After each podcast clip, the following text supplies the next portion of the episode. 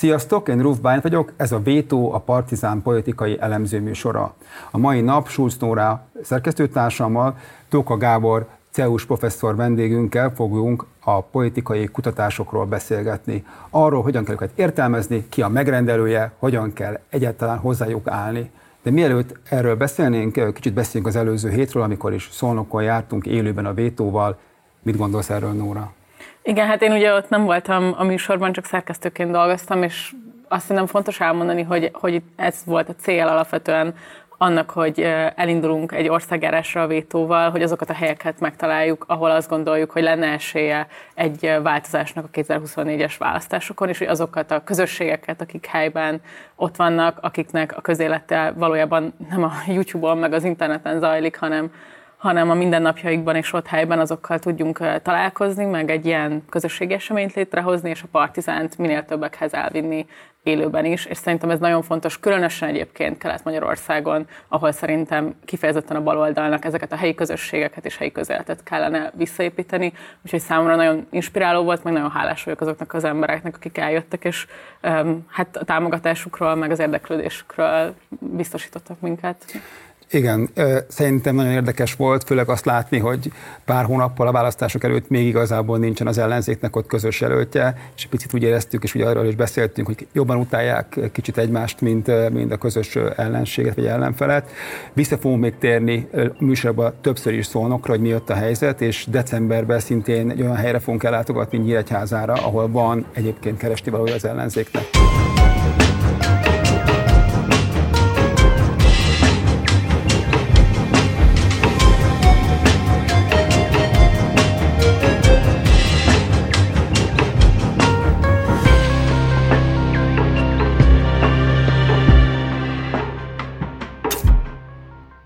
Köszönjük Gábor, hogy itt vagy velünk. Azért is hívtunk, mert egyrészt szakértője vagy, és van egy saját oldalad, ami ebben foglalkozik blogként is, meg Facebook oldalad, és a Vox Populi mindenkinek ajánlom egy nagyon különleges és nagyon szakmai oldal. Hogyan van ez a kutató ö, ö, ö, helyzet most, főleg azokkal az elmúlt pár évnyi sok-sok hibával, vagy ha ez hibának lehet mondani, ami történt ugye a Brexitnél, Trumpnál, és a, és a magyar közvéleménykutatásban is, hogy az embernek az az élménye, hogy mintha valaki mondana valamit, aztán pedig utána nem az történik. Különösen segítette például a szlovák exit porra, ami aztán persze Lengyelországban nem így volt. Tehát mit gondolsz erről, milyen a kutatási helyzet most Magyarországon, kiknek lehet hinni, kicsit beszélni le arról, hogy mi most, hogy látod most, hogy mi a helyzet? Hát először az, hogy a világban azért úgy köszönjük szépen megvannak jól a választási előrejelzések és közönkutatások, nem romlott a pontosságok, erre nagyon részletes és nagyon kiterjedt több tucat országot, és 1945 óta minden választás, ahol volt közönkutatás előtte föl, lett akaró kutatások vannak, és hát nem, nem csökkent semmivel sem a pontosságuk. Nagyon változik a technológia, állandóan újítani kell, állandóan igyekezni kell, és akkor, akkor annak ellenére, hogy ugye 45-ben még azért 90%-os válaszadás arány volt, ahol kérdeztek, ma meg már inkább egy, meg 10%-os válaszadási arány van, ez, ez egészen más körülményeket teremt, más technikákkal, technológiákkal próbálkozni, de megoldható a probléma. Most Magyarországon, ami volt 2022-ben tévedés, meg 2019-ben ugye a budapesti főpolgármester választáson, hogy ugyanakkora tévedése a közönkutatásoknak, az, az nem hasonlítható össze ezekkel, mint hogy a Brexitnél most 2% ide-oda. Tehát ez, vannak vállalható hibák, amik becsúsznak időnként, de nem olyan nagyon borzasztó gyakran. De hát mondjuk Lengyelországon tök jók voltak a, a, az előzetes közönkutatások, Szlovákiában is tök jók voltak az előzetes közönkutatások. Az, hogy ott a választás estéjén amikor mindenki ott ül a tévé előtt, megjelenik egy exit poll, amelyik éppen rossz, ebből nem, nem, nem ez alapján kell megítélni a közönkutatások teljesítményét, mert mert azok nem exit poll technológiával készülnek. Egy exit poll az négy évente ugye a választáson esetleg készül, nincs abban olyan gyakorlata, rutinja azoknak, akik készítik őket, hiába a, a nyilván az ő hitelességük óriási kockára van téve egy exit poll tehát annyira pontosak próbálnak lenni, amennyire csak tudnak, de biztos, hogy mindent megtesznek annak az érdekében, de lehet ettől még nagyokat tévedni egy exit ez elég gyakran elő is fordul, nem kell türelmetlenkedni egy választás éjszakáján, nem, nem, nem azt kell nézni, hogy az exit poll mit mutat az eredményt, mert az vagy bejön, vagy nem jön, az, az tényleg az nem olyan, mint egy választás előtti közön. Választás előtti közönkutatásokban a nagy, a, egy normálisan működő demokráciában, piacgazdaságban nyilván versengő cégek vannak, azok között lehetnek propagandisták, de a propagandista se szakadhat el teljesen a valóságtól, mert akkor senki nem fog, mindenki csak kinevetni fogja azt a propagandistát. Tehát Amerikában, Nagy-Britanniában, Lengyelországban, Spanyolországban, Németországban ez egy működő műfaj. Magyarországon is egy működő műfaj volt, 2002-ben volt egy, egy jelentősebb tévedése a közönkutatásoknak, de mondjuk 98-ban, 2006-ban, 94-ben, akár még 1990-ben is lehetett adni. Informatívok voltak a közönkutatások, biztos, hogy pontosabb és jobb képet szolgáltattak az esélyekről, mint amit a saját kültfej alapján bárki tudott volna. Tehát ez egy dolog. Most ma Magyarországon hát egy, egy, egy különleges helyzet van. Ez egy péld, tehát nemzetközileg is példátlan uh, uh, nagy volt a hiba. Egyetlen hasonlító példával találkoztam csak így az elmúlt évtizedekből ez a, az idei első görög választás, az, az elképesztő, ugye ott 10%-kal túlbecsülték a közönkutatásokkal Szirizát, és e, e, e, néhány két százalékkal mennyivel a, a, a, alábecsülték az új demokráciát. Tehát az, egy, az mondjuk egy az se volt akkora tévedés, mint a, a magyar, de azért az már egy hasonlítható ö, ö, nagyságrend volt, de de, de, de, de a, azok a, két, azok a 19-es főpolgármester választáson és aztán a 22-es Magyarországi választáson egészen más nagyságrendje volt ezeknek a hibáknak. Itt egyszerűen az ok, hogy ez nem egy demokratikus közeg, ez nem egy piacgazdasági közeg. Itt a, a, azok a én, várakozások, amelyeket normális körülmények között kialakítottunk azzal kapcsolatban, hogy, hogy mit tudnak a közönkutatások, nem jönnek be láthatólag. Tehát alapvetően akkor a politikai környezettel magyarázod azt, hogy ezek nem stimmeltek, tehát hogy módszertanilag vagy a, a kutatások készülésében nem tudsz beazonosítani olyasmit, ami, ami hát, magyarázhatja. Ez szerintem csak a 19-es, meg a 22-es is azért is fontos, mert nagyon nagy a közvéleményben szerintem az érdeklődés a kutatások iránt, az, hogy számok legyenek, az, hogy a politikát, ami egy nagyon bonyolult, sokszor homályos, egyébként tényleg ellentmondásos folyamatokat látunk nap mint nap, és akkor, amikor jön egy pontszerű közönkutatás, arra nagyon nagy figyelem Így van. kerül, és hogy ezért is érdekel szerintem sokakat, meg engem biztosan, hogy a 19 és a 22 miért, miért voltak mellényúlások a közönkutatók részéről. Igen, tehát ez, ez teljesen jogosan érdeklődik a, a, a, köz, a, a közvélemény iránt, és, és teljesen helyesen a közönkutatásokra is függ, függeszti tekinteti tekintetben, ez egy jogos várakozás, hiszen koordinálja akarjuk a politikai döntéseinket, ugye? Tehát nem akarjuk elpazarolni a szavazatunkat reménytelen jelöltekre, nem annyira fontos számunkra, hogy az X vagy az Y, de már mondja már valaki, hogy, hogy, hogy melyik, lesz, melyik lesznek jobb esélye, hogy a mi politikai akaratunk az képviseletet kapjon. Tehát ez egy borzasztó fontos dolog, de ez nem játék, meg nem tömegszórakoztatás. Tömegszórakoztatás jellege is van nyilván egy választásnak, de azért alapvetően nem az a lényege egy, egy, egy országgyűlési választásnak, hogy, hogy ott izguljunk a tévé előtt, mint, a, mint, a, mint egy Arsenal meccs előtt. Én már meg sem nézni a meccseket csak utólag, mert, mert, mert színvolt kapnék a képen. Tehát, a, a, a, a, szóval, tehát nagyon fontos, és valóban ez egy helyes várakozás, hogy a közönkutatások még mindig jobban fogják megmutatni, hogy mi várható, mint a saját kútfejünk alapján, meg a Józsitól hallom, hogy ő ezt tudja már a tutit. Mi a probléma velük? Hát az, hogy a, a, a politikai és a gazdasági környezetnek a Magyarország jellegzetességei, tehát, hogy aztán ez nem piacgazdaság, és ez nem demokrácia, az a módszertanra is kihat, ezerféle módon, például abban, hogy nagyon olcsón kell dolgozniuk a, a, a, a kormánytól független közönkutatóknak, a kormánypártnak dolgozó közönkutatóknak meg hát ilyen költségvetési korlátaik nem nagyon vannak, tehát ők megengedhetnek maguknak mindenféle dolgot, de, de ők sincsenek egy versenyhelyzetben. Tehát a, az ő versenyhelyzete az, az nem az, hogy, hogy tehát egy embert kell kielégíteni. Ugye a, a, a, azzal, amit csinálunk, a, A politikai bizalom hatalmas szerepet játszik a kiválasztásában ezeknek az embereknek, nem feltétlenül azzal tudnak előre jutni a szervezeten belül, hogy ők szakmailag mit tudnak. Tehát ők sem egy ők sem egy piaci folyamatokban szűrődnek meg, méretődnek meg, nincsen semmilyen kritikai nyilvánosságnak kontrollja fölött, hogy mi történik abban az évente által a 200 század. Ugye az a weboldalokon szerepel ez, hogy most már, hogy évente 200 közönkutatást végeznek, lehet, hogy ennél több, lehet, hogy kevesebb, lehet, hogy nem is végzik el mindegyiket, amit ért pénzt kapnak, hogy, hogy megcsinálják, de, de az biztos, hogy a szakmai színvonal az nem garantált attól még, hogy egy csomó pénzt elköltenek. A másik oldalon meg, meg hihetetlen híglé készül nagyon olcsó technológiákkal, mert valahogy arra állt be.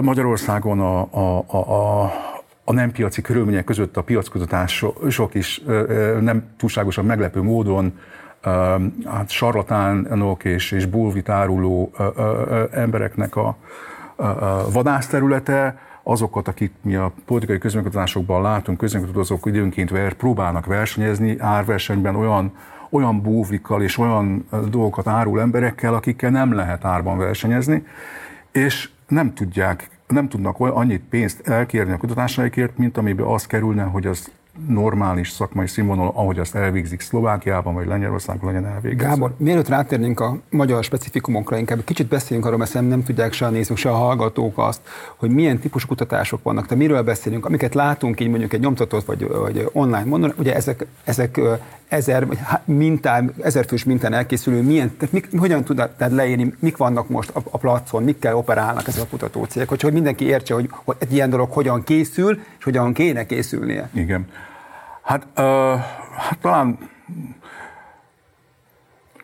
Hát uh, alapvetően háromfélét érdemes megkülönböztetni, és akkor a, a, a, ezeken belül még vannak altípusok. Ugye Régen alapvetően személyes kérdezéssel zajlottak ezek a dolgok, ez ma már ritka, mert a munkaerő költségek olyan, olyan magasak, hogy, hogy nem, lehet, nem lehet kigazdálkodni igazából. A, amit még meg lehet csinálni, hogy nem nagyon figyel oda az ember arra, hogy mit csinálnak a kérdezők, és, és hát egy kicsit szemet hunya fölött, hogy lehet, hogy nem minden kérdést tényleg megkérdeztek a, a, a, az általagos válaszolótól, lehet, hogy nem úgy jutott el a válaszolóhoz a kérdező, ahogy kellett volna ahhoz, hogy ez egy véletlen mintaválasztás legyen, és a többi, és a többi, és hát innentől kezdve az általagos előnyre a személyes kérdésnek nagyjából megszűnnek. A, a, a, a, hogyha olcsón kell csinálni, akkor abból nem lesz véletlen minta, és nem lesz tisztességesen végigkérdezett. E, ez a, ennek a műfajnak ez a problémája, hogy ez milyen irányba torzít, azt nem lehet előre. Tehát, magyarul, magyarul van egy kérdéssor, ugye ezt tegyük hozzá, amit megír egy szakember a megbízónak a elvárásai szerint, és akkor ezt személyesen kérdezné le, valamilyen módszer szerint kiválasztva, hogy kiket Igen. kérdez meg. Ugye, mert ezek fontos Igen. dolgok, hogy mert Igen. ezt nem tudják, ez egy, ez egy... Igen, tehát jellemző módon ugye úgy két módon történhetne ez a dolog. Az egyik az az, hogy a népesség nyilvántartótól kérünk pénzért, nyújtják ezt a szolgáltatást, hogy leválogatnak megmondjuk nekik ezzel, erről a száz településről kérünk véletlen mintákat a felnőttekből, akkor ők azt megteszik. Nyilván ugye a népesség nyilvántartásnak már egy elég nagy hibája van, tehát nem ott vannak bejelentve az emberek, ahol laknak, amúgy is már külföldön dolgozik, stb.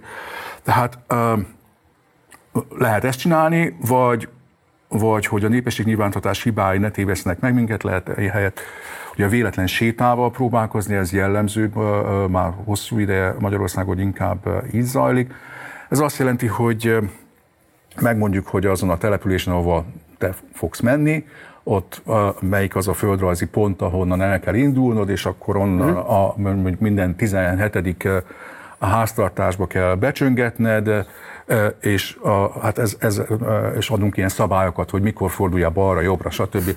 A, a, a, és ha ezt, ez elvileg lekövethető és ellenőrizhető, hogy oda ment el, de, de hát spórolni kell, tehát nem lesz, nem lesz, nem lesz GPS-es eszköz a, a, a, az embernél, nem lesz, aki lekövesse, hogy tényleg ott járt-e, nem fogja betartani a szabályokat, mert akkor az életben nem készülne az a napi három-négy interjú, hanem mindenféle. Na jó, tehát ez, egy, ez, ez, a személyes. ez a személyes kérdezés. A, következő az a telefon, kézenfekvő az a telefonos. Ugye Amerikában a 70-es években ez vált a standard, és aztán most Magyarországon tulajdonképpen ez a, a, a leggyakoribb. Elvileg ugye az lenne a helyes technológia, hogy véletlen telefonszámokat hívogatunk, és akkor így hát az véletlen lesz, hogy ki melyik telefonszám csörög, az sajnos nem véletlen, hogy kiveszi föl és kihajlandó válaszolni, és kinek van üzenetrögzítője, és, és ami nem lehet túljutni. Tehát itt azért már uh, uh, szintén uh, ugyanúgy, mint ahogy a személyes kérdezésnél ugye kb. mondjuk 25-30 százalékába lehet a címeknek bejutni a jó esetben, hogyha nagyon kitartóan próbálkozik az ember. Hát telefonon hát olyan 10-20 százalék ott lehet esetleg meginterjúvolni, hogyha rámenősen többször rácsörgetünk mm. arra a számra. Amerikában már csak egy százalékot lehet, tehát azért ez várhatóan Magyarországon is romolni fog. És akkor az már nem nagyon véletlen, hogy ki ez az egy százalék, meg ki ez a tíz százalék, mert személyiségjegyekben, életkorban, férfi vagy nő, tehát egy csomó minden ebben sérül a, a minta. A, a, a minta amit ugye súlyozással ki kell akkor sakkozni. Ami mit jelent a súlyozás? Az azt jelenti, hogy, hogy ugye jellemzően több a nő a válaszolók között, mint a férfi, viszont a népszámlásból tudjuk, hogy a 18 év felettiek között nagyjából 53% a nő és 47 a férfi, ezért aztán, a, akit megkaptunk női megkérdezetteket, és hogyha több van belőlük, mint 53% akkor akkor őket nem egy embernek fogjuk szállítani, hanem akkor ők csak egy 0,81 Világos. ember lesz, míg a férfi emberek azok 1,19 embernek fognak szállítani, akkor, amikor kiszállítjuk a százalékos megosztásokat. Most ennél azért bonyolultabb a dolog, mert sok szempontból kell súlyozni, Világos. és nyilván életkori csoportokon belül kell csinálni a súlyozást a, a nemek arányára, mert életkori csoportok szerint is változik, hogy, hogy mennyivel könnyebb a nőket meginterjúlni. Férfiak. Csak iskolázottságra súlyozni kell. Ö, ö, ö, tehát vannak ilyen népszámlású ismerők, amikre lehet. De sajnos nem csak ezekre kéne, uh-huh. mindenki tudja, hogy másra is kéne, de, de hát másra meg nincs ilyen objektív adat. Telefonosnál ugye van még két fontos altípus, amiről azért emlékezzünk meg. A, a, az egyik az az, hogy ténylegesen véletlen számokat hívunk. Ez nem ismeretlen műfaj Magyarországon, de a, de a legtöbb közönkutató arra hivatkozik, hogy ez jogilag nem megoldható, ami nem igaz. Vannak bizonyos plusz költsége a dolognak Magyarországon a jogi helyzet miatt, amire most ne térjünk ki, de megoldható a dolog, és léteznek véletlen telefonszámot hívó kutatások. Például 2022 eleje óta a, a Medián ilyet csinál. Állítólag a kormánypárti közönkutatók is csinálnak ilyeneket. Uh-huh. De ez, erről fogalmam sincs. Viszont ami a legtöbb, ami megjelenik a sajtóban, főleg a független sajtóban, telefonos közönkutatás, az nem ilyen, hanem, hanem olcsó, olcsó lé. Tehát vannak ilyen ismeretlen eredetű telefonszám gyűjteményei a különböző callcentereknek, amit az soha senkinek nem tudták elmagyarázni, hogy az honnan származik, nem akarták elszönni, hogy ezek mennyire véletlenszerű mintái a magyar telefonszámoknak, azt senki nem tudja, mivel Mindenkinek az érdeke, hogy a megrendelőnek eladjuk a búvit, ezért ezt nem is feszegetik, főleg nyilvánosság előtt nem. És akkor vannak olyan telefonszámgyűjtemények, amikben sokkal több MSP jön ki, mint a, a másik telefonszámgyűjteményben, meg van olyan telefonszámgyűjteményben az a rengeteg lmp jön ki. És akkor ö, ö, egy már kicsit tapasztalt megrendelő, ugye akár válogatott is, hogy most olyat szeretnék, amiben több jobbikos van, akkor, akkor ehhez a call centerhez megyek, mert annál mindig több jobbikos találnak, eh, mint a másik call centernél. Ha meg most éppen az LNP-nek akarok udvarolni, annak akarom eladni magamat, vagy a párbeszédnek, akkor meg ahhoz fogok menni, mert aznál rendszeresen több ki. Ezt már a politikusok is tudják, és akkor, mikor eldöntik, hogy melyik közönkutató rendelünk meg, akkor, akkor hát megfontolják, hogy most propagandára akarom jobban használni, vagy a valóságot akarom megismerni, és a propaganda gyakran nyer, eh, hogy inkább azt eh, inkább, inkább azt szeretjük látni, ami, amiben jobbak vagyunk. De most mi a harmadik típusú? Ja, a harmadik típus, az pedig az online kutatás, amit lehetne jól csinálni, vagy viszonylag jól csinálni, azt is, ott is lehetne próbálkozni véletlen minták felépítése, de ez rendkívül költséges. Hm. Ami helyett online kutatásként jellemzően megjelenik Magyarországon, az a lehető legolcsóbb féle online közönkutatás, hogy hát nagyon olcsó lehet, vagy hát, nagyon, hát ez se igaz, hogy nagyon olcsó, mert ugye annyi pénzt elkölt a Fidesz most már a Facebookos hirdetés, hogy az mindenki másnak is nagyon drágává teszi a Facebookon a hirdetés Magyarországon, főleg egy, egy, egy kampányidőszakban. De azért még mindig viszonylag olcsón ugye ki lehet tenni Facebook hirdetéseket, tehát a Facebook algoritmusára bízzuk a sorsunkat, majd az mi se tudjuk, hogy mit fog történni, de, de meg tudjuk adni, hogy milyen demográfiai jellemzők szerint szeretnénk azt a dolgot csinálni, meg izé. És akkor hát így előáll valamiféle, tehát följönnek a Facebook hirdetések embereknek, minden századik vagy kétszázadik ember rákattint arra a hirdetésre, amelyik, hogy, hogy, ahogy megjelent ugye egy ilyen kis ikon neki, hogy, hogy mondja el a véleményét, tarara, és ráklikkel, ott van egy ilyen kis önkitöltős kérdőív, ami nem hosszabb, mint mondjuk 10 perc ezt kitölteni, és akkor ezt, ezt így mondom, lehet, el lehet érni egy, egy ilyen egy százalékos válaszadási arányt esetleg, vagy fél százalékos. A, a, azzal nincs baj, hogy Facebookon, mert Facebookon ott van majdnem az egész Magyarország, tehát igazából több embert lehet Facebookon elérni, mint telefonon vagy személyesen. Ez, ez idáig rendben van. Az is rendben, hogy a Facebook megcsinálja a targetálást a demográfiai csoportokra, de, de, de hát már azért ettől még ez egy nagyon sajátos személyiség, aki, aki rákattint egy erre, hogy mondd el a véleményedet, és 10 perc alatt kitölti. Rettenetesen felülreprezentált a, a köztük nyilván a, a, a gyakori Facebook használók, a, a politika iránt jobban érdeklődő emberek, akik ilyen extrovertáltabb emberek, akik nem neurotikusak, nem gyanakóak, akiknek jó véleménye van arról a közönkutató intézetről, amelyiknek megjelenik a hirdetése, a, a, szóval torzít magyarul, nem? Nagyon torzít. Az egyik egészen különleges torzítása például az, hogy az algoritmus miatt, hogy ha egyszer rákattintottál egy ilyenre, akkor már sokkal gyakrabban fogod megkapni ezt a micsoda. Tehát ezekben a mintákban ugyanazok az emberek újra és újra és újra előfordulnak. A, a, az, hogy 20% az ide a kutatásaiban, akik ugye ezzel végezik a, a demokratikus koalícióhoz, ez ebből származik, nem abból, hogy 20% a valóságban a demokratikus koalíció. Erre majd térünk rá. Igen. Szóval, hogy akkor ezt átbeszéltük, hogy minden kutatás, és az, ahogy a számok előállnak, amiket a végén látunk, azok problémások, vagy legalábbis valamifajta kontextus kell melléjük rendelni. De ami engem igazán érdekel, hogy amikor már ott vannak a számok, és azok kikerülnek a médiába, vagy a pártok publikálják azokat, akkor hogyan lesznek felhasználva. És ennek szerintem két különböző ága van. Az egyik, amikor pusztán pártpreferenciákat mérünk, és választások előtt próbáljuk felmérni az erőviszonyokat, vagy pártok egymás között próbálják felmérni az erőviszonyokat. És van egy másik része, amikor különböző szakpolitikai kérdéseket próbálunk felmérni, hogy milyen preferenciái vannak az embereknek, mit gondolnak akár társadalombiztosításról, mit gondolnak akár nem tudom, zöld kérdésekről, tehát hogy hogyan alakítsuk a közpolitikát, okay. és hogy erre érdekelne akár mindkettőtök véleménye is, hogy hogyan lesznek felhasználva ezek a közleménykutatások, milyen olyan példák vannak, amik esetleg eszetekbe jutnak, olyan a nem tudom, elmúlt 30 év magyar történetéből, amikor különböző politikai erők kifejezetten a közvélemény szondázását ilyen politikai célokra próbálták felhasználni, Erről mit gondoltok? Ez nagyon helyes, hogyha ezt teszik. Nem abban az értelme, hogy szolgáljan követni kell azt, amit a felületes véleményként emberekbe mondanak egy ilyen szituációban, amikor valami olyasmit erről kérdezik őt, és soha nem is gondolkodtak. De azért a politikusnak figyelme kell vennie, hogy, hogy mik ezek a felületes vélemények, amik léteznek egy társadalomban. Nem lehet teljesen megkerül. Lehet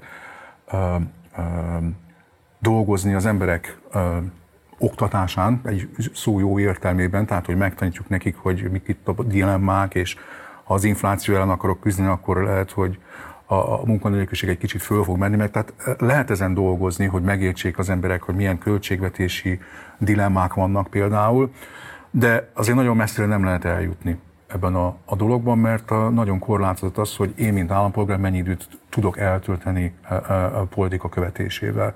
A Biden ugye azért, a, a, most egy nagyon aktuális példa, hogy tényleg kimutatják az amerikai közönkutatások, hogy nagyon rosszul szerepel, ugye Trumpal szemben is, és akkor politikai iránt érdeklődő emberek, akik esetleg nem gyűlölik a, a demokrata oldalt, csodálkoznak, hogy de hát, hát a Trump is egy rozoga öreg ember, aki sokkal hülyébb, mint a Joe Biden. Hogy lehet csak azért, mert néha elbúbiskol? Hát annak semmilyen komoly politikai következménye nincsen, tehát az, hogy elbubiskolgat, meg időnként félrebeszél.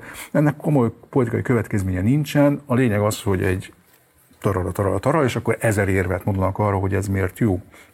miért jó ember, és miért nem érdemes azzal vacakolni, hogy valami más elnökjelöltet állítson a párt. De ezt nem lehet eladni annak az embernek, akinek kevés ideje van a politika követésére, és azt látja, hogy van egy mellébeszélő, el a bobuskál öregember, ő azt mondja, hogy ez alkalmatlan. És ezt, ezt egy pont, ezen, ezen vannak dolgok, amiken sokat változtatni nem lehet.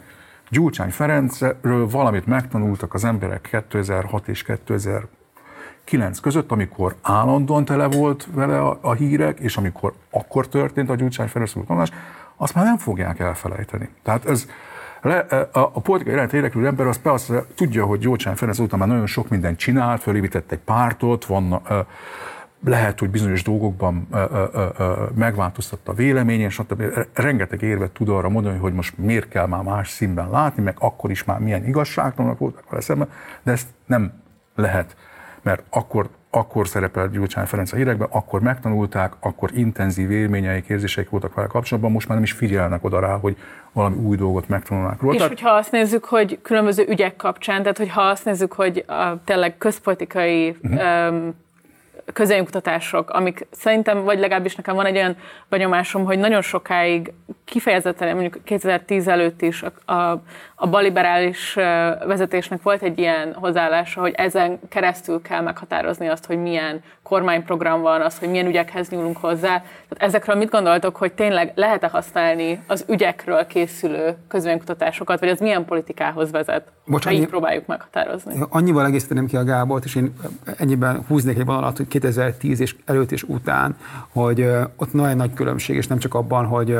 hogy a Fidesz rendszer előtt vagy után, hanem abban, hogy a, a Fidesz politikája egyébként a totális kutatásra épül. Szóval az ő totális politikája arra épül, hogy szinte a világ összes dolgát mérik, megmérik, fókuszcsoporton, telefonosan, személyes kutatásban megállás nélkül ezek a közvéleményt, ami abból adódik, vagy onnan kezdődött, hogy a 2006-os vereség után, amikor volt egy politikai fordulat a Fideszen belül, akkor ugye akkor most már halott Arthur Finkelstein megjelent a Fidesz környékén, aki ugye Amerikából, Amerikában egy viszonylag jegyzett politikai tanácsadó volt, és nem csak azt hozta el, hogy akkor a mi és ők és a gyűlölet politikájának, hogy hogyan kell mindenkit állandóan megbélyegezni és le, lerántani a mélybe, hanem elhozott egy olyan kutatási módszertant Amerikából, ami akkor a Fidesz számára ismeretlen volt Magyarországon.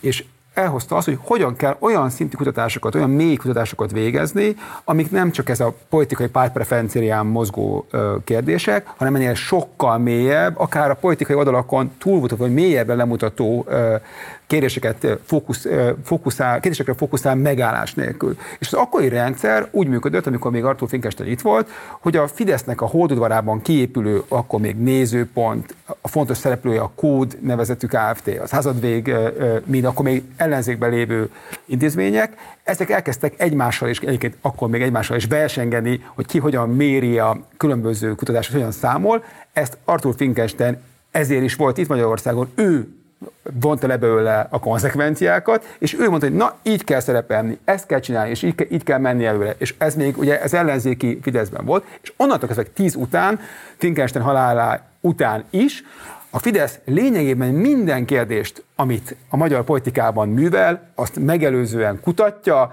leg, lemegy a legmélyére, és mindig olyan dolgokban próbál menni, amiben legalább neki van többsége, vagy legalábbis vagy 50%-a, vagy 60%-a van. Amikor meg nincs, és ugye itt beszélgettünk egy pár héttel ezelőtt a, a lengyel választásokon, hogy mi a különbség a PIS és a Fidesz között, hogy a PIS meg, tudja azt csinálni, e, meg tudta azt csinálni, meg akarta csinálni, hogy az egész lengyel közönnyemmel szembe menjen egy kérdés, hogy ez az egész abortusz kérdéskor. A Fidesz soha nem csinálna ilyet, mert bármit csinál, azt először leméri, ha látja benne, hogy ott van egy nagy ellenállás, akkor, akkor azonnal változtat, netadó, vasárnapi bolzár, és még tudnám mondani, soha hozzá, soha hozzá nem érne az abortuszhoz, hiszen tudja, hogy ebben egy teljes másik többsége van, és az egész kormányzása ezért így, így működik. Akkor van a baj, amikor vannak ugye az elter, mit mondtál, eltervezett kutatások, századvégnek, meg a kódnak, meg a nézőpontnak, hogy mi, és még akiket nem is tudunk, hogy milyen cégeknél, mennek egy havi rendszeres mondással, akkor van a baj, amikor valami különleges dolog történik. Láss például mondjuk az ukrán háború kitörése, amire a Fidesz nem számított. És emlékeztek arra, egy két-három napig nyikorgott a gépezet, hogy akkor most, akkor most éppen mi van, most akkor NATO van, vagy elítéljük, vagy ne ítéljük el, és nyikorog, nyikorog, mert egyszerűen az történik, hogy várják, hogy megjöjjön a fókuszcsoport. Ez történt. És akkor jöttek arra, arra, amit akkor is ugye mondtunk, hogy a magyar emberek nem feltétlenül úgy látják ezt a háborút, hogy egy csomóan szeretnék, hogy lássák, hogy ez egy honvédő háború, egy agresszor lép fel mondjuk egy szerencsétlen Ukrajnával szemben, ami szerintem egyébként a valóság, hanem ők úgy látják, mind a szláv népek egymás közötti harca, és igazából nekünk ebben nincs, nincs is beleszólásunk. És ezt ők megmérték, látták, jó, akkor ezzel, ezzel fogunk menni. És az már egy másik és akkor mit tetszett a, a, akkor a, a kampányba, hogy ez egész egy ilyen küldjünk, ne küldjünk el katonát kérdésből átment egy élet-halál kérdésbe, de volt három nap, amíg ugye ők megtették azt a stratégiai nyugalmat, hogy bevárták azt, hogy meglegyen a, a kutatás eredménye, és nem improvizáltak. Szerettem volna ebben mondani, ők tudatosan elképesztő mennyiségű egyébként közpénzt használnak erre, hogy teljes mértékben a magyar lakosságot megállás nélkül szondázzák, így használják, és egyébként a közpolitikát is így alakítják. És bocs, utolsó gondolat, ami most volt egyébként friss dolog, ez a napelem kérdéskör, ugyanez. Ugyanez. Ugye belementek egy, egy politikai játszmába, abban, hogy akkor a napelemeket akkor, akkor kivezetik a, a rendszerből. De kitől vették el? Attól a középosztálybeli komoly egzisztenciával rendelkező egyébként Fidesz szimpatizánsoktól, akiktől az egész Fidesznek az a, ilyen bázis a, a egyik, egyik gerince. És amikor ezt látták, hogy ebből baj lesz, rögtön változtattak benne. Szóval e, ez nagyon jó, hogy elmondtad, ez egy olyan legendárium, ami 90%-on téves. Na. És Stockholm-szindrómás e, tünete az ellenzéknek is kártékony is ebben a... De mondta, hogy még, még részletén. Tehát egyrészt nincs csodafegyver. Tehát a közönkutatások Arthur Flinkenstein kezében sem adnak csodafegyvert. Ez így van. Uh, uh, tehát ezt nem szabad eltúlozni, hogy, hogy a, a, a tehát nem, senkinek nem kell attól tartania, hogy annyira kifürkészhetők az ő gondolatai, hogy, hogy mint, mint a Matrixban lehet ráncigálni erre arra. A másik, hogy a, tehát ez a nagy kompetencia azért nincs. Az, én ennek semmi nyomát nem látom uh-huh. ennek a hatalmas kompetenciának. A, a, a, a próbál, mindent megteszek, hogy, hogy, hogy, hogy ö, ö, megismerjem szakmai felkészültséget ezeknek az embereknek, nagyon kevés eredményt érek el ebben a tekintetben, de annyit azért látok, hogy meghökkentő butasággal a, a, a, a, is lehet találkozni a megnyilvánulásaikban, nem tudnak dolgokat, fő, a, lehet, hogy van valahol a háttérben valaki, aki, aki esetleg jobban, biztos, hogy van, aki jobban érti a technikát, de azért azoknak az embereknek a tudását sem kell feltétlenül csillagászatinak gondolni, és nem biztos, hogy, hogy nagyon fontos döntéshozó helyzetben vannak ezek a technikailag esetleg kompetensebb emberek, vagy van annyi önbizalmuk, hogy a főnökkel szembe menjenek. A, hogy ők milyen, hogy ők hogy működnek, hogyan írják a kérdéseket, erről keveset lehet látni. Nem bíznám rá, Orbán Viktorében nem bíznám rá ezekre az emberekre a politikai sorsomat. Nem, nem olyan minőségű munkát látok. Gábor, bocsánat, hogy akkor, ha már vitázunk, melyik része ebbe a dologban, ami szerint 90%-ban a Stockholm szindróma, az, hogy, hogy megállás nélkül kutatnak, az, hogy ők ismerik a legjobban a kutatásaik miatt, nem azért, mert valami csoda ja. van, hanem az, ez egyszerűen egy egy Igen. teljesítmény. Tehát nem az, hogy ők valami különleges tudásbirtokában hát vannak, hanem, hanem, hanem, az, hanem az, hogy, hanem, hogy, hogy ők használják ezt, a, ezt az eszközt. Tehát, hogy nem az van, hogy ők valami különleges dolgot találtak ki, hanem egyszerűen megállás nélkül ipari mennyiségben kutatnak. Igen, de igen, de ettől nem lesz. Tehát, bocs. De meg hát szerintem az a kérdés, hogy valójában azt gondoljuk el, hogy ez valóban a, Szóval ez egy megismerési eszköze, ezt, és, szerintem, uh-huh. és szerintem ez az, amiben köztetek aha, is aha. van, és hogy én azt gondolom, hogy a felméréseket valójában ilyen puspollos uh, módszertant is használnak, plusz a fókuszcsoportok is nagyon sokszor valójában erről hát. szólnak. Tehát olyan mennyiség itt a közölemény befolyásolására hát persze, egy nem. eszköz, mint sem arra, hogy megismerik, és szerintem ez egy fontos kérdés, mert az, ahogyan ezt például most mondjuk felvázoltad, ettől úgy is tűnhet, mintha egy alulról befolyásolt demokratikus működés lenne, és szerintem ez szerintem egy fontos egy kérdés. az. Na, és ebben mondjuk én nem értek egyet, vagy sokkal erősebbnek látom azt, a, be, a közéleményt befolyásoló és a politikai táborát mozgató erejét a Fidesznek, ami egyébként erre egy eszköz a közönkutatások is, meg a fókuszcsoportjaik is, a, amiket láttam, ezekből eljutott mm. hozzám ilyen típusú kérdés, hogy hogyan mérnek be mondjuk egy egy lejárató ügyet, vagy hogyan szavakat. tesztelnek szavakat, Igen. ilyet már mondjuk láttam, ez teljesen egyértelmű, hogy annak a fókuszcsoportnak nem a véleményére kíváncsiak, hanem hogy az érzelmi lehet rezonanciáikat Persze, fölébreszték. persze, bocsánat, mondjuk. De ez, egy, ez egy, szóval ugye térjünk vissza ahhoz a, a, a, a, az alap dologhoz. Az embereknek felületes ö, ö, ismeretei és véle- véleménye van ezekről a dolgokról, és ez elkerülhetetlen, és ezt tiszteletben kell tartani. Ebből az is következik, hogy képlékeny azért bizonyos mértékig a véleményünk. Tehát el lehet venni ide is, arra is. Amikor ö, ö, 2022. február 24-én ugye, elkezdődött a háború, akkor, akkor egész biztos, hogy amikor ott, ott kutatgattak, akkor azt látták, hogy hát el lehet vinni ebbe az irányba is, abba az irányba is. Ez kell, tehát ez egy politikai döntés kérdés, hogy az ember mit akarok ebből kihozni.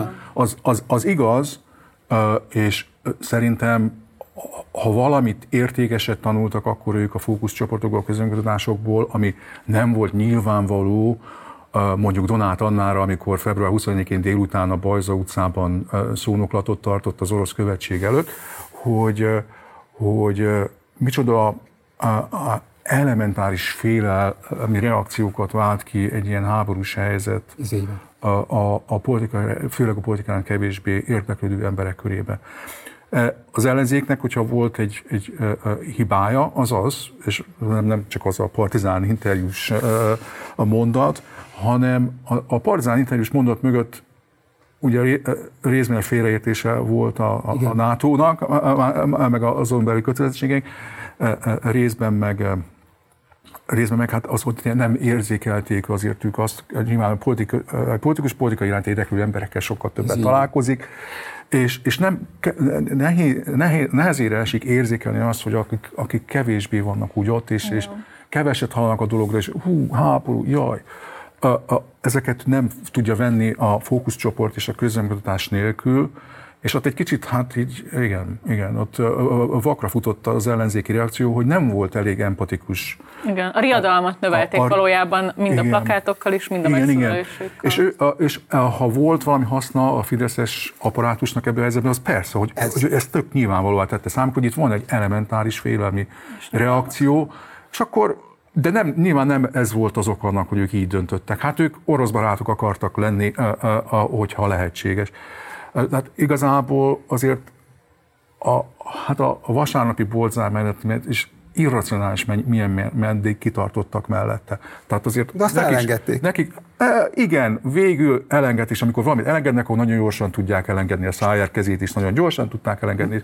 Nem tudom. De, tehát e, e, valóban van egy ilyen militarizált jellege a Fidesznek, hogy nagyon gyorsan tudunk váltani, és akkor süty és akkor mindenki befogja a száját, és mindenki, a, a, a, ugye a svéd szavaz, sem tudjuk, hogy miért nem szavazunk már erről a svéd tagságról, de, de hát tehát ezt mondja Viktor, akkor, akkor nem szavazunk róla. Tehát, ö, tehát ö, van, egy, van egy ilyen gépezet jellege, ez egy nagyon jó kifejezés az örökállam, hogy hatal, hatalomgyár, aminek része a közvéleménykutatás, de azért az nem úgy működik, hogy megkutattuk a közvéleményt, és akkor azt csináljuk, amit a közvélemény mond, mert egyrészt a közvélemény semmi, nem mond semmit. Az össze-vissza beszél, ellentmondásai vannak az, em- az emberek fejében, főleg kollektív véleményben, aztán meg tényleg egymásnak ellentmondó, ezt is szeretné, meg azt is szeretné, meg minden jó dolgot szeretné, csak éppen hát nem összeegyeztetünk egymással. Tehát, tehát valóban az, a részben az a cél, a- a- az a rendeltetés ennek a kutatások, hogy nem csak azt mutassák fel, hogy most pillanatnyilag mi ez a felületes válasz, amit adok, hanem hogy ho, ho, merre lehetne őket elvinni.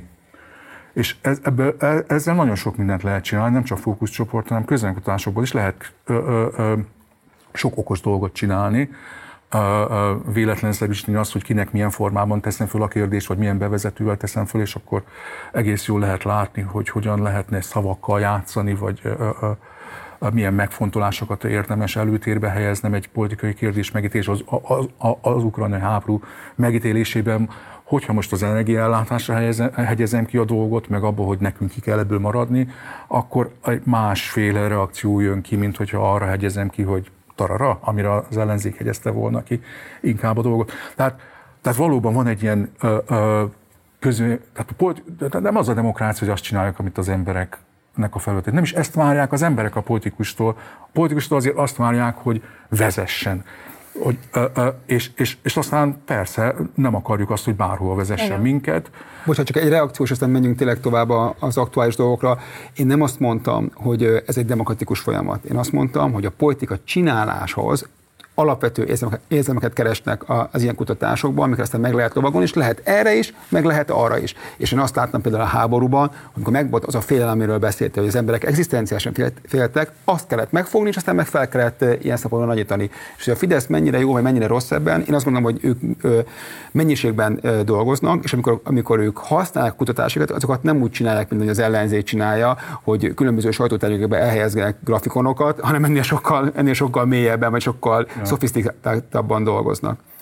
Na, én erre akartam rátérni, hogy az ellenzéken hogyan használja a különböző közönkutatásokat, és Szerintem egy nagyon ellentmondásos, meg feszültségekkel teli kérdés ez, és hoztunk is pár példát erre. Nekem az egyik emlékezetes, amikor a 2019-es önkormányzati választási kampányban ugye a főpolgármester választáson el akart indulni Puzsér Robert, és még arról volt egyáltalán szó, hogy belemegye az ellenzéki előválasztásba, vagy sem, és hát a közvénykutatókat pécézte ki részben ellenfeleként, legalábbis az volt az állítása, hogy a közvénykutatók, akiket függetlennek mutat be a média, azok valójában a, a mainstream, az establishment ellenzéket szolgálják. Itt például ebben a konkrét példában ugye Závec Tibornak ment neki, azt állítva, hogy azok a kutatások, amik a kampány előtt már az esélyeket mutatják be, vagy a támogatottságot,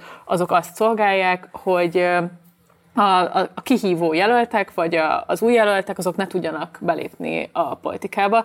És erre nagyon kíváncsi vagyok, hogy mit gondoltok erről, hogy lehet-e egy ilyen funkciója a közvénykutatásoknak valóban, hogy a státuszkót erősítik meg, vagy a, a már bent lévő szereplőket, és kiszorítják azokat, akik, akik esetleg szeretnék őket kihívni, vagy, vagy valamilyen radikálisabb álláspontot képviselni. Másrészt pedig, hogy valóban függetlenek-e a, a magyar közvénykutatók, vagy mit gondolunk erről, amikor egy politikai kampány része az, hogy kijönnek bizonyos kutatások.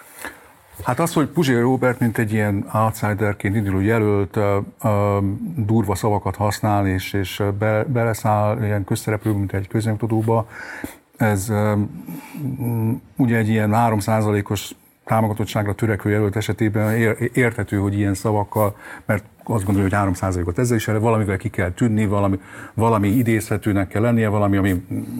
Tehát én azért inkább így, de teljesen természetes, hogy, hogy a közönkutatásoknak hát azok kellemetlenek azoknak a jelölteknek, hmm. akiknek még nincs nagy támogatottsága. De hogyha el, elkezd fölépülni az a támogatottság, akkor viszont az ő barátjuk lesz a közönkutatás, hogyha megmutatja az ő momentumát, hogy én jövök föl. Tehát a, nemrégiben volt a, a, a, a, Jakab Péter pártjáról ugye ez a közönkutatás, nagy feltűnést aratott, és rá irányította a sajtó figyelmét jobban arra, hogy mit is csinál Jakab Péter. Jakab Péter nem nagyon szerepelt a magyar sajtóban, mondjuk egy éven keresztül. Ugye a, a, a, ezt nemrégiben meg is vizsgáltam, hogy nem feltétlenül Jakab Péter, általában inkább jobban érdekel Dobrev de azt, azt is láttam, hogy valóban Jakab Péter eltűnt a magyar sajtóból a tavaly nyár után, akkor nagyon-nagyon sokat írtak róla, amikor, amikor a jobbikból való kipenderülése volt napirenden, meg ahogy a, elválik a feleségétől, és a, tudom, a tarara, tehát ezzel a történet tele volt, utána ő eltűnt.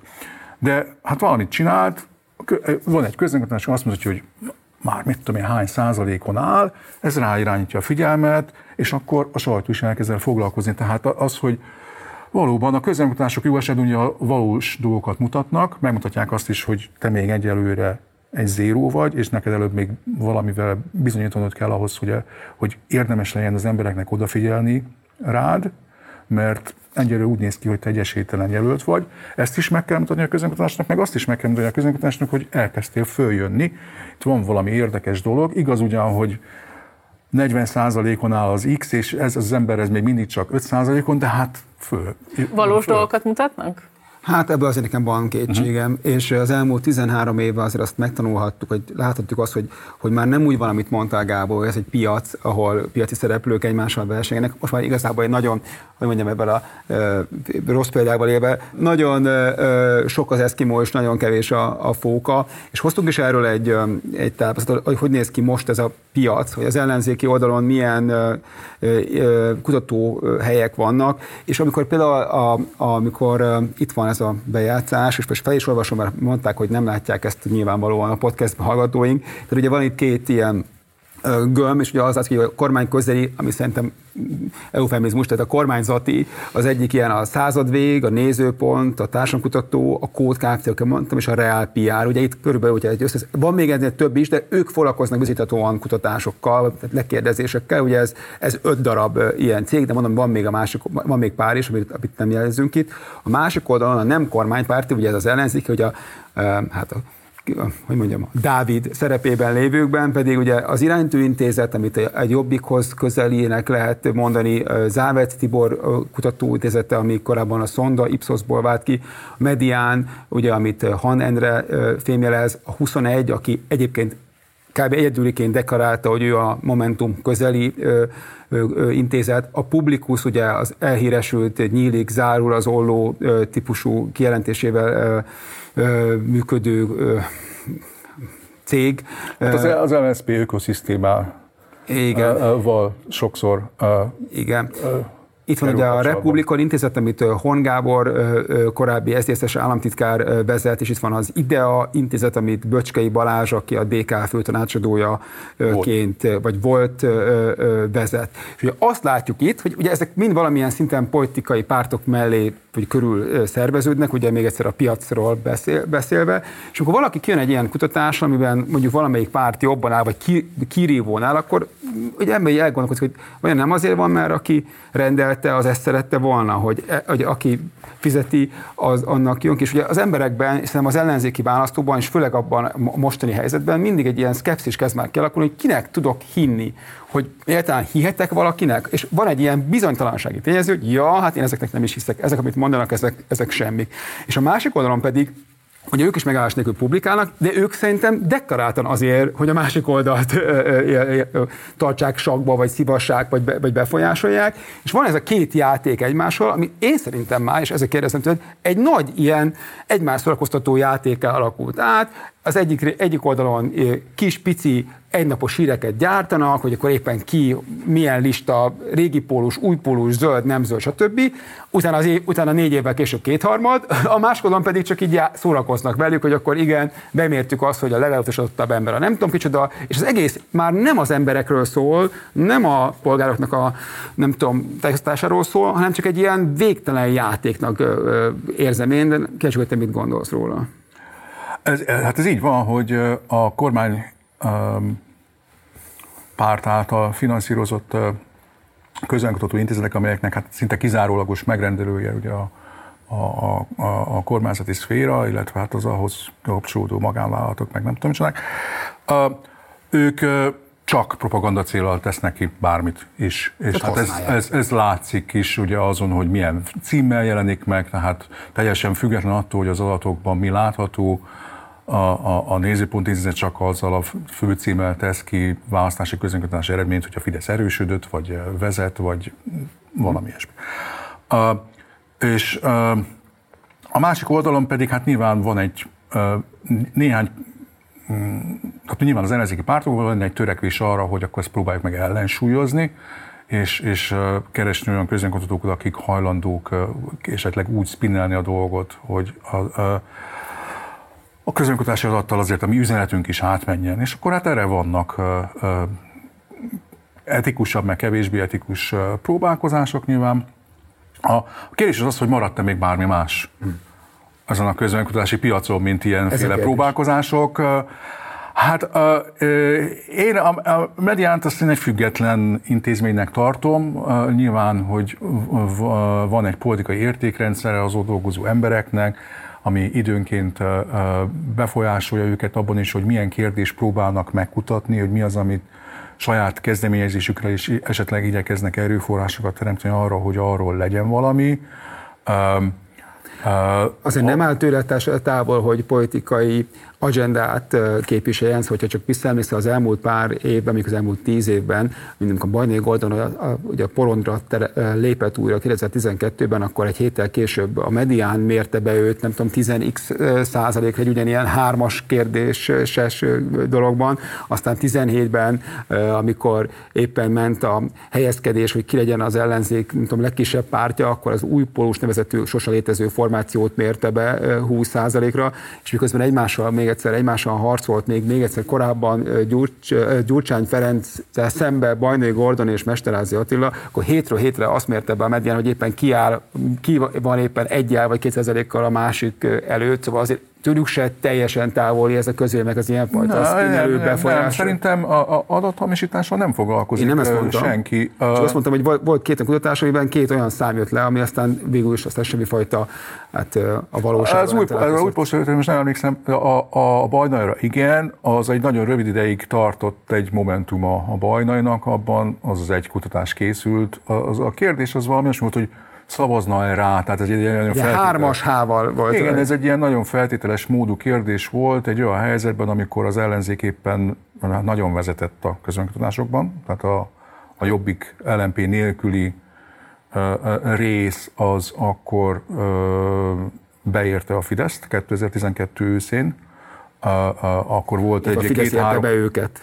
Hát, akkor a csökkenés volt. Igen, igen, igen, igen, igen, igen, tehát a 2010, igen, igen, tehát akkor volt egy ilyen időszak, amikor két-három hónapig tartott. És ebben, ebben a két-három hónapban, amikor nagy várakozás, sok bizonyos hát a társam egy részében nagy várakozásokkal tekintettek a, a dolog iránt, és, és volt egy érdeklődés, az a, valami olyan politikai termék létrejött iránt, ami ez eset nem ez az unalmas MSP mesterházi gyurcsány, és akkor ebben a pillanatban egy, talán egy pár percig Bajnai Gordonra bemondta annyi ember, hogy ez hogy megy keresztül aztán a sajtón egy ilyen közönkutatás, micsoda, és hogy miért nem a, a, a Mesterházi Attila miért nem tudott megrendelni a, a, akkor egy olyat, ami szintén helyesen valami más aspektusra rá tudott volna mutatni, ezt nem tudom. Aztán meg kétharmad lett. Uh, 14-be ebbe, ezekkel a kutatásokkal ja, együtt. Uh, igen, igen, tehát uh, vigyázni kell az, ezzel, hogy, hogy uh, egy ilyen éppen még csak föltűnt, és még, de mondjuk majdnem miniszterelnök volt korábban, tehát ezért uh, valamire emléket még tudhattak róla az emberek. De hát ez egy viszonylag rövid ideig tartott a nagyon nagy szárnyalása, de azért még a 2014 májusában az LP e választáson azért még, még 10%-ig eljutott a, a pártja, tehát volt egy valós, tehát ott volt az MSP nyomában még az LP e választáson is. Tehát volt, volt azért egy momentuma ennek a fajta próbálkozásnak akkor.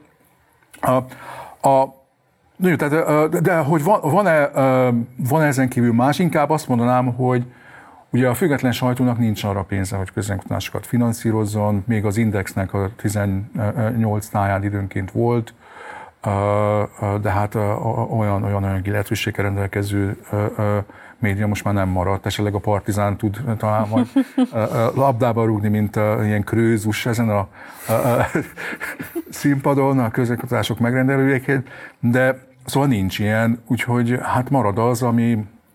Amit kap. A, amit kap a sajtó. A sajtóban az újságírók hát azért nem sok mindenről kell írniuk, nem, tud, nem érthetnek annyit, nincs meg az önbizalmuk se a, ahhoz, hogy ők most úgy különösebben kommentálgassák ezt a dolgot. Időnként idejük sincsen arra, hogy normálisan elolvassák azt, amiről írnak, és elírások történnek. Tehát az újságíró ugyan mondhatná azt, hogy ez egy itt milyen közelintézet, meg olyan közelintézet, de akkor azonnal fölhívják a főszerkesztőjét, és, és fenyegetik, és nem tudom micsoda mindenféle peres eljárással, tehát meggondolja, az, nem akarja azért kivívni a, a, a főnökének sem a haragját, az az újságíró, nem merik szerintem mendemondák alapján, amiről beírni azt, hogy most ez, erről ezt kell gondolni, azt kell gondolni, Gábor, amit mondasz, egyébként igazad van, csak ugye most már negyedik kétharmad van. Ja. És én nekem az a kérdésem, hogy vajon nem lehetne ebben valami olyan fajta minimális konszenzus teremteni, és nyilván nem a mi feladatunk ez, hogy olyan kutatásokkal legyen a közvélemény, mondjam, nem szórakoztatva, aminek legalább a tudományos minimumnak megfelel. Ja. És most hoztunk két olyan kutatást, amiben két intézet, amit mi komolynak gondolunk, vagy komolynak veszünk, hogyan kell ezeket, most ha ránézel erre, ugye ez most az első, ez a mediánnak a kutatás, amiben február, május és uh-huh. szeptemberről van, szavazókorú népesség, hogyan kéne ezt olvasni úgy, hogy szakmailag rendben legyen, te hogyan tudnád ezt interpretálni úgy, hogy aki ezt ránéz erre, mit kéne ebből neki ö, ö, levonnia, hogy áll most Magyarország politikai térképe ez alapján, ez a medián, még egyszer a hibahatár 3,5 százalék, amire szintén ez, mit jelent, hogy 3,5 százalék, mert ez mindig visszatérő kérdés minden politikát fogyasztó fejében. A, tehát a, jó, tehát a, a hibahatár. Ugye a hibahatár az, a, az egy a régi világban használatos kifejezés volt, amikor véletlen mintákkal tudtak venni a közönkutatók, 90%-os meg 70%-os válaszadási arányt tudtak elérni úgy, hogy tényleg véletlenszerűen tudták kiválasztani azt, hogy kit keresnek meg. Ez azt jelenti, hogy ha, hogyha ugyanazzal a technológiával ugyanabban az időpontban ezerszer elvégzem ezt a kutatást, fölteszem ezt a kérdést, akkor mind az ezer vizsgálatban valami más százalék fog kijönni, de matematikailag leírható, előre megjósolható, hogy mekkora különbségek lesznek az ezer mintámnak a százalékai között, tehát lesz olyan, amiben ez egy, másfél százalék lesz, lesz olyan, amiben 1,7 lesz, lesz, amiben 2,1 lesz, de van, van egy ilyen tényleg matematikailag precízen leírható hiba határ, amin belül ingadozni fognak, az ugyanazzal a módszerrel, különböző mintákon ugyanabban az időpontban ugyanazra a kérdéssel kapott válaszoknak a megoszlása. Pusztán azért, mert a, a, minden ezer, az ezer mintában más-más ezer ember volt, és tök véletlen döntött el azt, hogy valaki az első vagy az 589-be került be. Ezt jelenti a hiba határ. Ilyen, ilyen hibája most is van a kutatásoknak, mert azért bizonyos mértékig véletlenszerű az, hogy most éppen kinek a számát hívták föl abból a ismeretlen eredetű telefonszám gyűjteményből, vagy én most éppen kinek jött föl a, a Facebookon az a híret, és abban azért van valamennyi véletlenszerűség. Tehát értelmezhető a hiba határ fogalma ezekre a kutatásokra, és abban az értelme, hogy ha ezzel a technológiával ezerszer megcsináltam volna ebben az időpontban, akkor, de ma már, mivel nem véletlen mintákról van szó, ezért az égvilágon semmi garancia nincsen arra, hogy ennek az ezer mintámnak, amit megcsinálok a, ugyanazzal a technológiával, ugyanabban az időpontban, az átlaga, az pont az lesz, mint a mi népességben. A, a, a micsoda. Tehát ezeknél a mintáknál sokkal, a mai kutatásokban sokkal nagyobb az a probléma, hogy hogy hát, a te, hogy hát nem véletlen mintákat kérdezünk, van ilyen technológia, olyan Lagos. technológia, amolyan technológia, ilyen probléma, amolyan probléma, így próbáltuk megoldani, így súlyozunk, amúgy súlyozunk, nem tudom micsoda. Az ebből fakadó eltérések az eredmények között, meg a valóságtól ebből fakadó eltérések a kutatások által között sokkal nagyobbak lehetnek, mint a hiba határ. Ebben az értelemben egy kicsit értelmetlen ma, manapság már ezeket a hibahatárokkal különösebben sokat foglalkozni, mert mert ez arra van, hogyha a medián ugyanezzel a technológiával Világos. több mintát csinált volna, akkor, akkor ennyi lenne az ingadozása. Igen, de ez, ez a lehetséges hibák forrásoknak most már csak a kisebbik része. Ha ránézel erre, akkor mit tudsz elmondani Igen. a politikai helyzetről? Most, mint kutatóként kérdezem, hogy... A... Igen, tehát a, a, a hosszú évek tapasztalatban azzal kapcsolatban, hogy a, tudom én, mennyire pontosak általában Magyarországon a közönkutatások, és azon belül a medián uh, hogyan teljesítők, hogy ugye jobban teljesítenek általában, mint a, a mezőny más szereplői. Ebből én azt el tudnám fogadni, hogy a, a olyan nagyon nagy változás a Fidesz támogatottsággal nem, nem történt, de lehet, hogy volt valami, lehet, hogy volt valami Itt csökkenés. Van 5%-os csökkenés van, csak aki nem látja, ugye 35 volt Igen. februárban, és most ugye szeptemberben. Igen, ez ugye statisztikák nem szignifikáns, hiszen a hiba határt azt úgy kéne értelmezni, ugye ez a három és fél, ez, a, ez eleve egy pontatlan szám, mert ez arra vonatkozik, hogy egy ezeres mintában egy százalék az mennyivel ingadozhat, de hát itt nem ezer ember mondott valamit arról, hogy kire szavazna, hanem csak mit tudom én, 700-800, azon belül már egy kicsit nagyobb lenne, és ez az 50, száz, 50 százalék közeli százalékos aránynak lenne akkor a hibahatára, ez csak 35, 32, 30, tehát ez egy valamivel már kisebb, tehát itt már inkább ez a véletlen hibahatára inkább 2,8 lenne, viszont amiatt, hogy igazából nem az ezer ember van, hanem csak a 800 alapján, ezért kicsit nagyobb, a, a, a DK-nál ugye meg már még, ahol ilyen 7 és 9 százalékok szerepelnek, ott már még kisebb a hiba határa miatt, hogy ez nem egy 50 százalékos szám, hanem uh-huh. nullához közé viszont minél közelebb van egy szám a nullához, annál kisebb a hiba határa, ahhoz képest, amit ott mindig a, az a konvenció, ugye azért, hú, bocsánat, elkezdek egy más, kicsi, más irányból megközelíteni a dolgot. Tehát a közönkutatók azért mantrázzák ezt a hiba dolgot, meg 3 meg nem tudom micsoda, mert az a sok évtizedes tapasztalatuk és nagyon-nagyon megalapozott tapasztalatuk, hogy nagyon nehéz ennél többet megtanítani az újságolvasóknak és az újságíróknak. És ezért, hogy fölhívják a figyelmet arra, hogy azért ne, ne tessék már mérget venni ezekre az adatokra, tehát azért itt van egy tólig határa, ezért szeretnének valamit mondani, és nagyon igyekeznek nagyon konzisztensek lenni, hogy ne zavarják össze az embereket és ma meg ha tudja is már, hogy ez, ez, ez nem egészen pontos így, hogy hiba határ 3,5 akkor is ezt fogja mantrázni, mert nem akarja összezavarni az embereket valami bonyolultabb történet. A valóság az ennél azért sokkal bonyolultabb. Ez szerintem úgy olvassa az olvasó, az a helyes a manapság, hogyha egyrészt azt mondja, hogy hát ez már régi történet, hogy hogy, hogy véletlen minták vannak, itt már sokkal nagyobb tévedések is uh-huh. lehetségesek, mint ami a véletlen minták korábban volt, és hát láttuk is, hogy a 2022-es választáson például, hogy milyen nagy, nagy a közönkutatások átlaga is mennyire félre tud menni.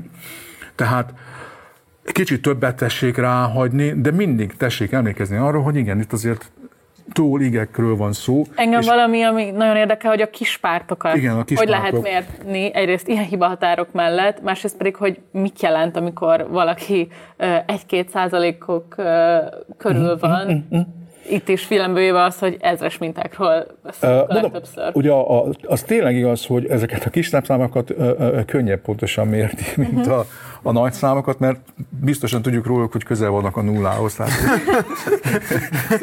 de a nullán túl nem lehet tévedni már.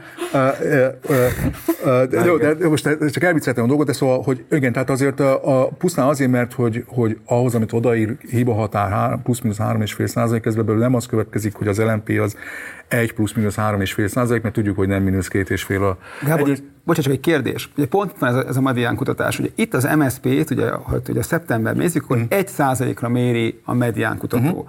Két nappal ezelőtt jött ki hírként, ugye a Republikon Intézet pedig már 5%-ra méri, és az ugye mágikus Igen. szám a magyar politikában, ugye benn van ugye a parlamenti küszöbet. Ugye az másképp szavazókorú népesség, az meg ugye Igen. biztos pártválaszt, hogy lehet ekkora különbség valójában egy kb. ugyanakkor felvett mintákba ilyen szinten lehet két idézet között ekkora különbség, ugye, mert a magyar politikában ugye ez az, hogy ben vagyok a parlamentben, vagy nem. Vagyok-e még, vagy nem? Létezek-e, vagy még nem? És ebben a játékban ugye ez az 5% ugye a, a, a kulcs. Igen. Hát a, a Fidesz esetében lehet ekkora játék, a, ami teljesen rendben van, tehát a, a, én nem mondanám, nem venném biztosra azt, hogy itt egy változás történt a, a, a Fidesz számára, mert ugye most tegyük fel, hogy most valami, a, valódi hiba határa ennek az valami plusz-minusz 3,2 lenne, mert ugye kisebb, mint 50 százalék, tehát kisebb. Mm. Akkor az, azt úgy kell érteni, hogy, hogy szeptemberben mértünk egy 30 százalék plusz-minusz 3,2-t, februárban meg mértünk egy 35 százalék plusz-minusz 3,2, tehát a február is lehet, hogy csak 32 volt, és a, a szeptember meg lehet, hogy 33 volt. Tehát ez, ez hiba határon belüli változás mutatkozik. A, és, és ugye hozzá kell tenni, hogy hát ez a mediánnak a mérés. Na most a mediánnak Mondom, ott, ott véletlen telefonszámokat hívogatnak, tehát ennyiben én jobban bízom a, a, az ő számaikban, mint a, a gyűjteményekkel dolgozó ö, ö, számok. Ugye a Republikonban soha nem lehet tudni, hogy ki csinálta a közlemutatást, ők hol innen, hol onnan vásárolnak, tehát ö, szakmai fölkészültség sem különösebben erős oldala a közönkutatások tekintetében. Tehát a republikán ugye úgy csinálják a közönkutatás, hogy hát mi már annyi közönkutatás rendeltem én, Horn Gábor, SZDSZ kampányfőnök helyettesként, vagy kampányfőnök. kampányfőnökként, hogy hát már én is értek ehhez annyit, amennyi kell ehhez a dologhoz. Tehát ez körülbelül itt, ott ezen a szinten áll a szakértelem. A való, le, nem tudom, hogy ők maguk számolják ki azt, vagy már azt, a, a, azt az, azokat a csúnya Excel ábrákat, amiket ők gyártnak, tehát még ábrát se tudnak gyártani professzionális minőségben. Tehát ő, jó, tehát nem tudni, hogy ők honnan rendelnek, az biztos, hogy valami olcsó húst rendelnek, meg valami telefonszámgyűjteményből, abban rendszeresen nagyon magas LMP jön ki, meg az MSP, DK is lényegesen magasabb, mint másoknál. Ami szemben van minden más konszenzussal, és megnéznénk, hogy van, ugye van a másik, ugye a Závec eh, Researchnek a táblája, amit szintén hoztunk, hogy hozunk legalább mm. kettő egymást. Ugye itt azért hasonló a helyzet, de nézd meg azt, hogy például itt van ugye, itt az MSZP jóval erősebb, mint, mint a, a medián mintájába, a DK is, hát most jóval, most persze ez egy, ez egy játék, hogy a második ligában éppen mi a helyzet, de hogy itt azért ugye az előzőben a medián ugye azt lehet látni, hogy, hogy körülbelül van három vagy négy hasonló nagyságú párt, itt a Závesz ugye az látszik, hogy mégis azért a DK ugye nincs 20%-on, ugye ugye még egyszer mondom, ez, ez a szavazókörű, de hogy, hogy ez az államszerű, amit itt sokszor mondott Gyurcsány, hogy majd előző, tehát mostani tavasszal lesz 20%-on, ez nincsen, de mégis ugye ez egy teljesen másik képet mutat. És akkor a, az átlagos olvasó ugye akkor most akkor hogyan döntse, hogy akkor most akkor négy ugyanakkor Igen. a nagy párt van, és, és, és haldokló kicsik, vagy pedig igazából bees egy nagy párt van, ugye mert ez a magyar egy font, mm-hmm. fontos kérdés, ki a legnagyobb a kis cseppek közül. Hát eh, nagyon nehéz helyzet van az újságolvasó, mert eh, sok intézet publikál számokat, és minden eh, intézetről más történetet tudnánk itt elmondani, és azt már nem tudja az ember a fejben tartani. Nem is kell neki. És, és, és miért lenne az, az ő dolga, és az újságíró sem tudja.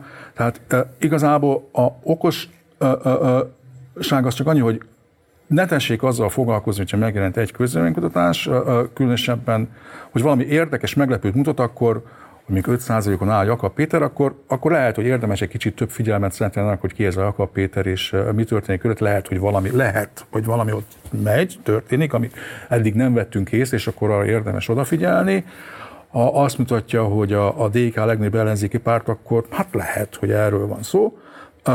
De, de hogyha ennél többet, valami megalapozottabb véleményt akar, akkor, akkor keressen olyan helyeket, ahol egymás mellett vannak a, a különböző közönkutatások eredményei, és akkor azt fogja látni, ez talán még egy megjegyezhető dolog a partizán nézői számára, mint egy ilyen bölcsesség a következő szezonra, hogy a 2022-es választások után elég kevés közénkutatás jelenik meg ahhoz képest, hogy korábban mennyi jelent meg. Nagyon-nagyon, és egy csomó intézet nagyon-nagyon szorványosan tesz ki, vagy azért, mert nincs pénz arra, hogy gyak, gyakrabban, mint a, mondjuk a mediának nincs több pénze, mint hogy három-négy havonta. A, az Ávec is most már arra tért rá, úgy vettem észre, hogy három havonta áll csak elő valamilyen mm. számmal. Viszont vannak olyanok, akik havonta a, a, a, a, publikálnak, a független sajtót ezek nagyon bejárják, és hát valamilyen, és erről nem akar, tényleg nem akarok spekulálni, mert ezerféle módon tudnék eh, spekulálni mindenféle politikai összeesküvés történeteket, és nem biztos, hogy szükség van rájuk. Lehet, hogy te, kontárság a magyarázata, nem kell politikai ö, ö, ö, magyarázatot keresni minden mögött, erre esetleg például mondom. Jó, tehát, hogy azok, amik most rendszeresen megjelennek a független sajtóba az ideának az a Facebookos írésekkel csinált kutatása, amiben szerintem nem hazudnak arról, hogy mit csináltak annak, de egy nagyon furcsa súlyozási eljárást alkalmaznak, amitől nagyon kevés változás van az ő idősorukban, és ráadásul visszatérő válaszolói vannak a az algoritmus, említett micsodája miatt. Ott ugye abban nagyon magas a DK, ott van ez a 20 19-20 százalékos DK. Emellett még viszonylag, ugye havonta jelenik meg a Republikon, ahol nem tudom, hogy miért, ott is ott a, ott a második, meg, a, meg, és akkor még Závec előfordul három havonta, abban is még viszonylag magas a DK. Ezhez képest azok az intézetek, amik csak egy időnként fordulnak el, a másik nyolc, azoknál mind sokkal alacsonyabb. Tehát ilyen 12, 13 14%-os DK-kat lehet látni, sokkal magasabb kutyapártokat, meg időnként mi hazánkot lehet látni, mint ezekben a gyakorta posztolókban. Az LMP az ugye csak a republikannál kerül ebbe a 4-5 százalékos magasságba, senki másnál. Az MSP csak a publikusnál kerül, ugye a 5 százalék meg annál magasabb, micsodában meg, és még az Ávecnél, meg a a fordul elő az, hogy ezek a 3-4 százalék, az ideálnál például 1 százalék az MSP, szóval vannak ilyen egyedi jellegzetességek, együtt kell nézni, keresni kell a Vox Populi választási kalauszt a Facebookon, meg a 444-en, meg a izé, tehát most egy pár hónapig már annyira elcsüggettem attól, hogy és mit beszéljek még ezekről a közönkutatásokról, nem kell olyan sokat foglalkozni velük, politizálni tessék, inkább meg, meg tanulni fontos dolgokról, de már megértem a 4 hogy lesz, lesz ilyen, a 4 is lesz ilyen, a, a, ahogy közeledik az önkormányzati, meg az Európa Parlamenti választás, ahova egymás mellé összehasonlító módon, mert sajnos nem összehasonlító módon jelennek meg a sajtóban, de összehasonlító módon egymás mellé lesznek teszve a dolgok, és akkor abból látják, hogy mit mondanak. Na most, hogy mit mondanak, annak az átlaga, az az igazsága, vagy még mindig olyan messze van az igazságtól, mint 2022 áprilisában, erről semmit nem tudunk. Ugye ezt ne, ezt ne hagyjuk szó nélkül, hogy semmilyen látható erőfeszítés nem történt a magyar közönkutatók világában, amiről a legesebb nyilvánosság előtt nem számoltak be semmi, és amikor 2002-ben ennél kisebb hiba volt, akkor hatalmas önmarcangolás volt, tanulmányok sorát írták közönkutatók, és komoly kutatásokat végeztek, saját pénzükből, komoly erőforrásokkal, és aztán be is számoltak erről a közönségnek, hogy mit tettünk, mit gondolunk arról, hogy mi ment itt félre. Itt semmi. Azon kívül, hogy négy közönkutató e, e, e, egy interjúban elmondta azt, hogy hát igen, nagy nyomást éreztek magukon, és, és hát ezért hát lehet, hogy, hogy, hogy egy kicsit túl kedvező számok jelentek meg, Egyébként ez a görög magyarázat is, ez egy csodálatos történet, az idei, idén két választás volt egymás után Görögország parlamenti választás, ugye egy hónapon belül. Az első 10%-kal túlbecsülték a közönkutatások a Szírizon, a másodikon halálpontosak voltak a közönkutatások.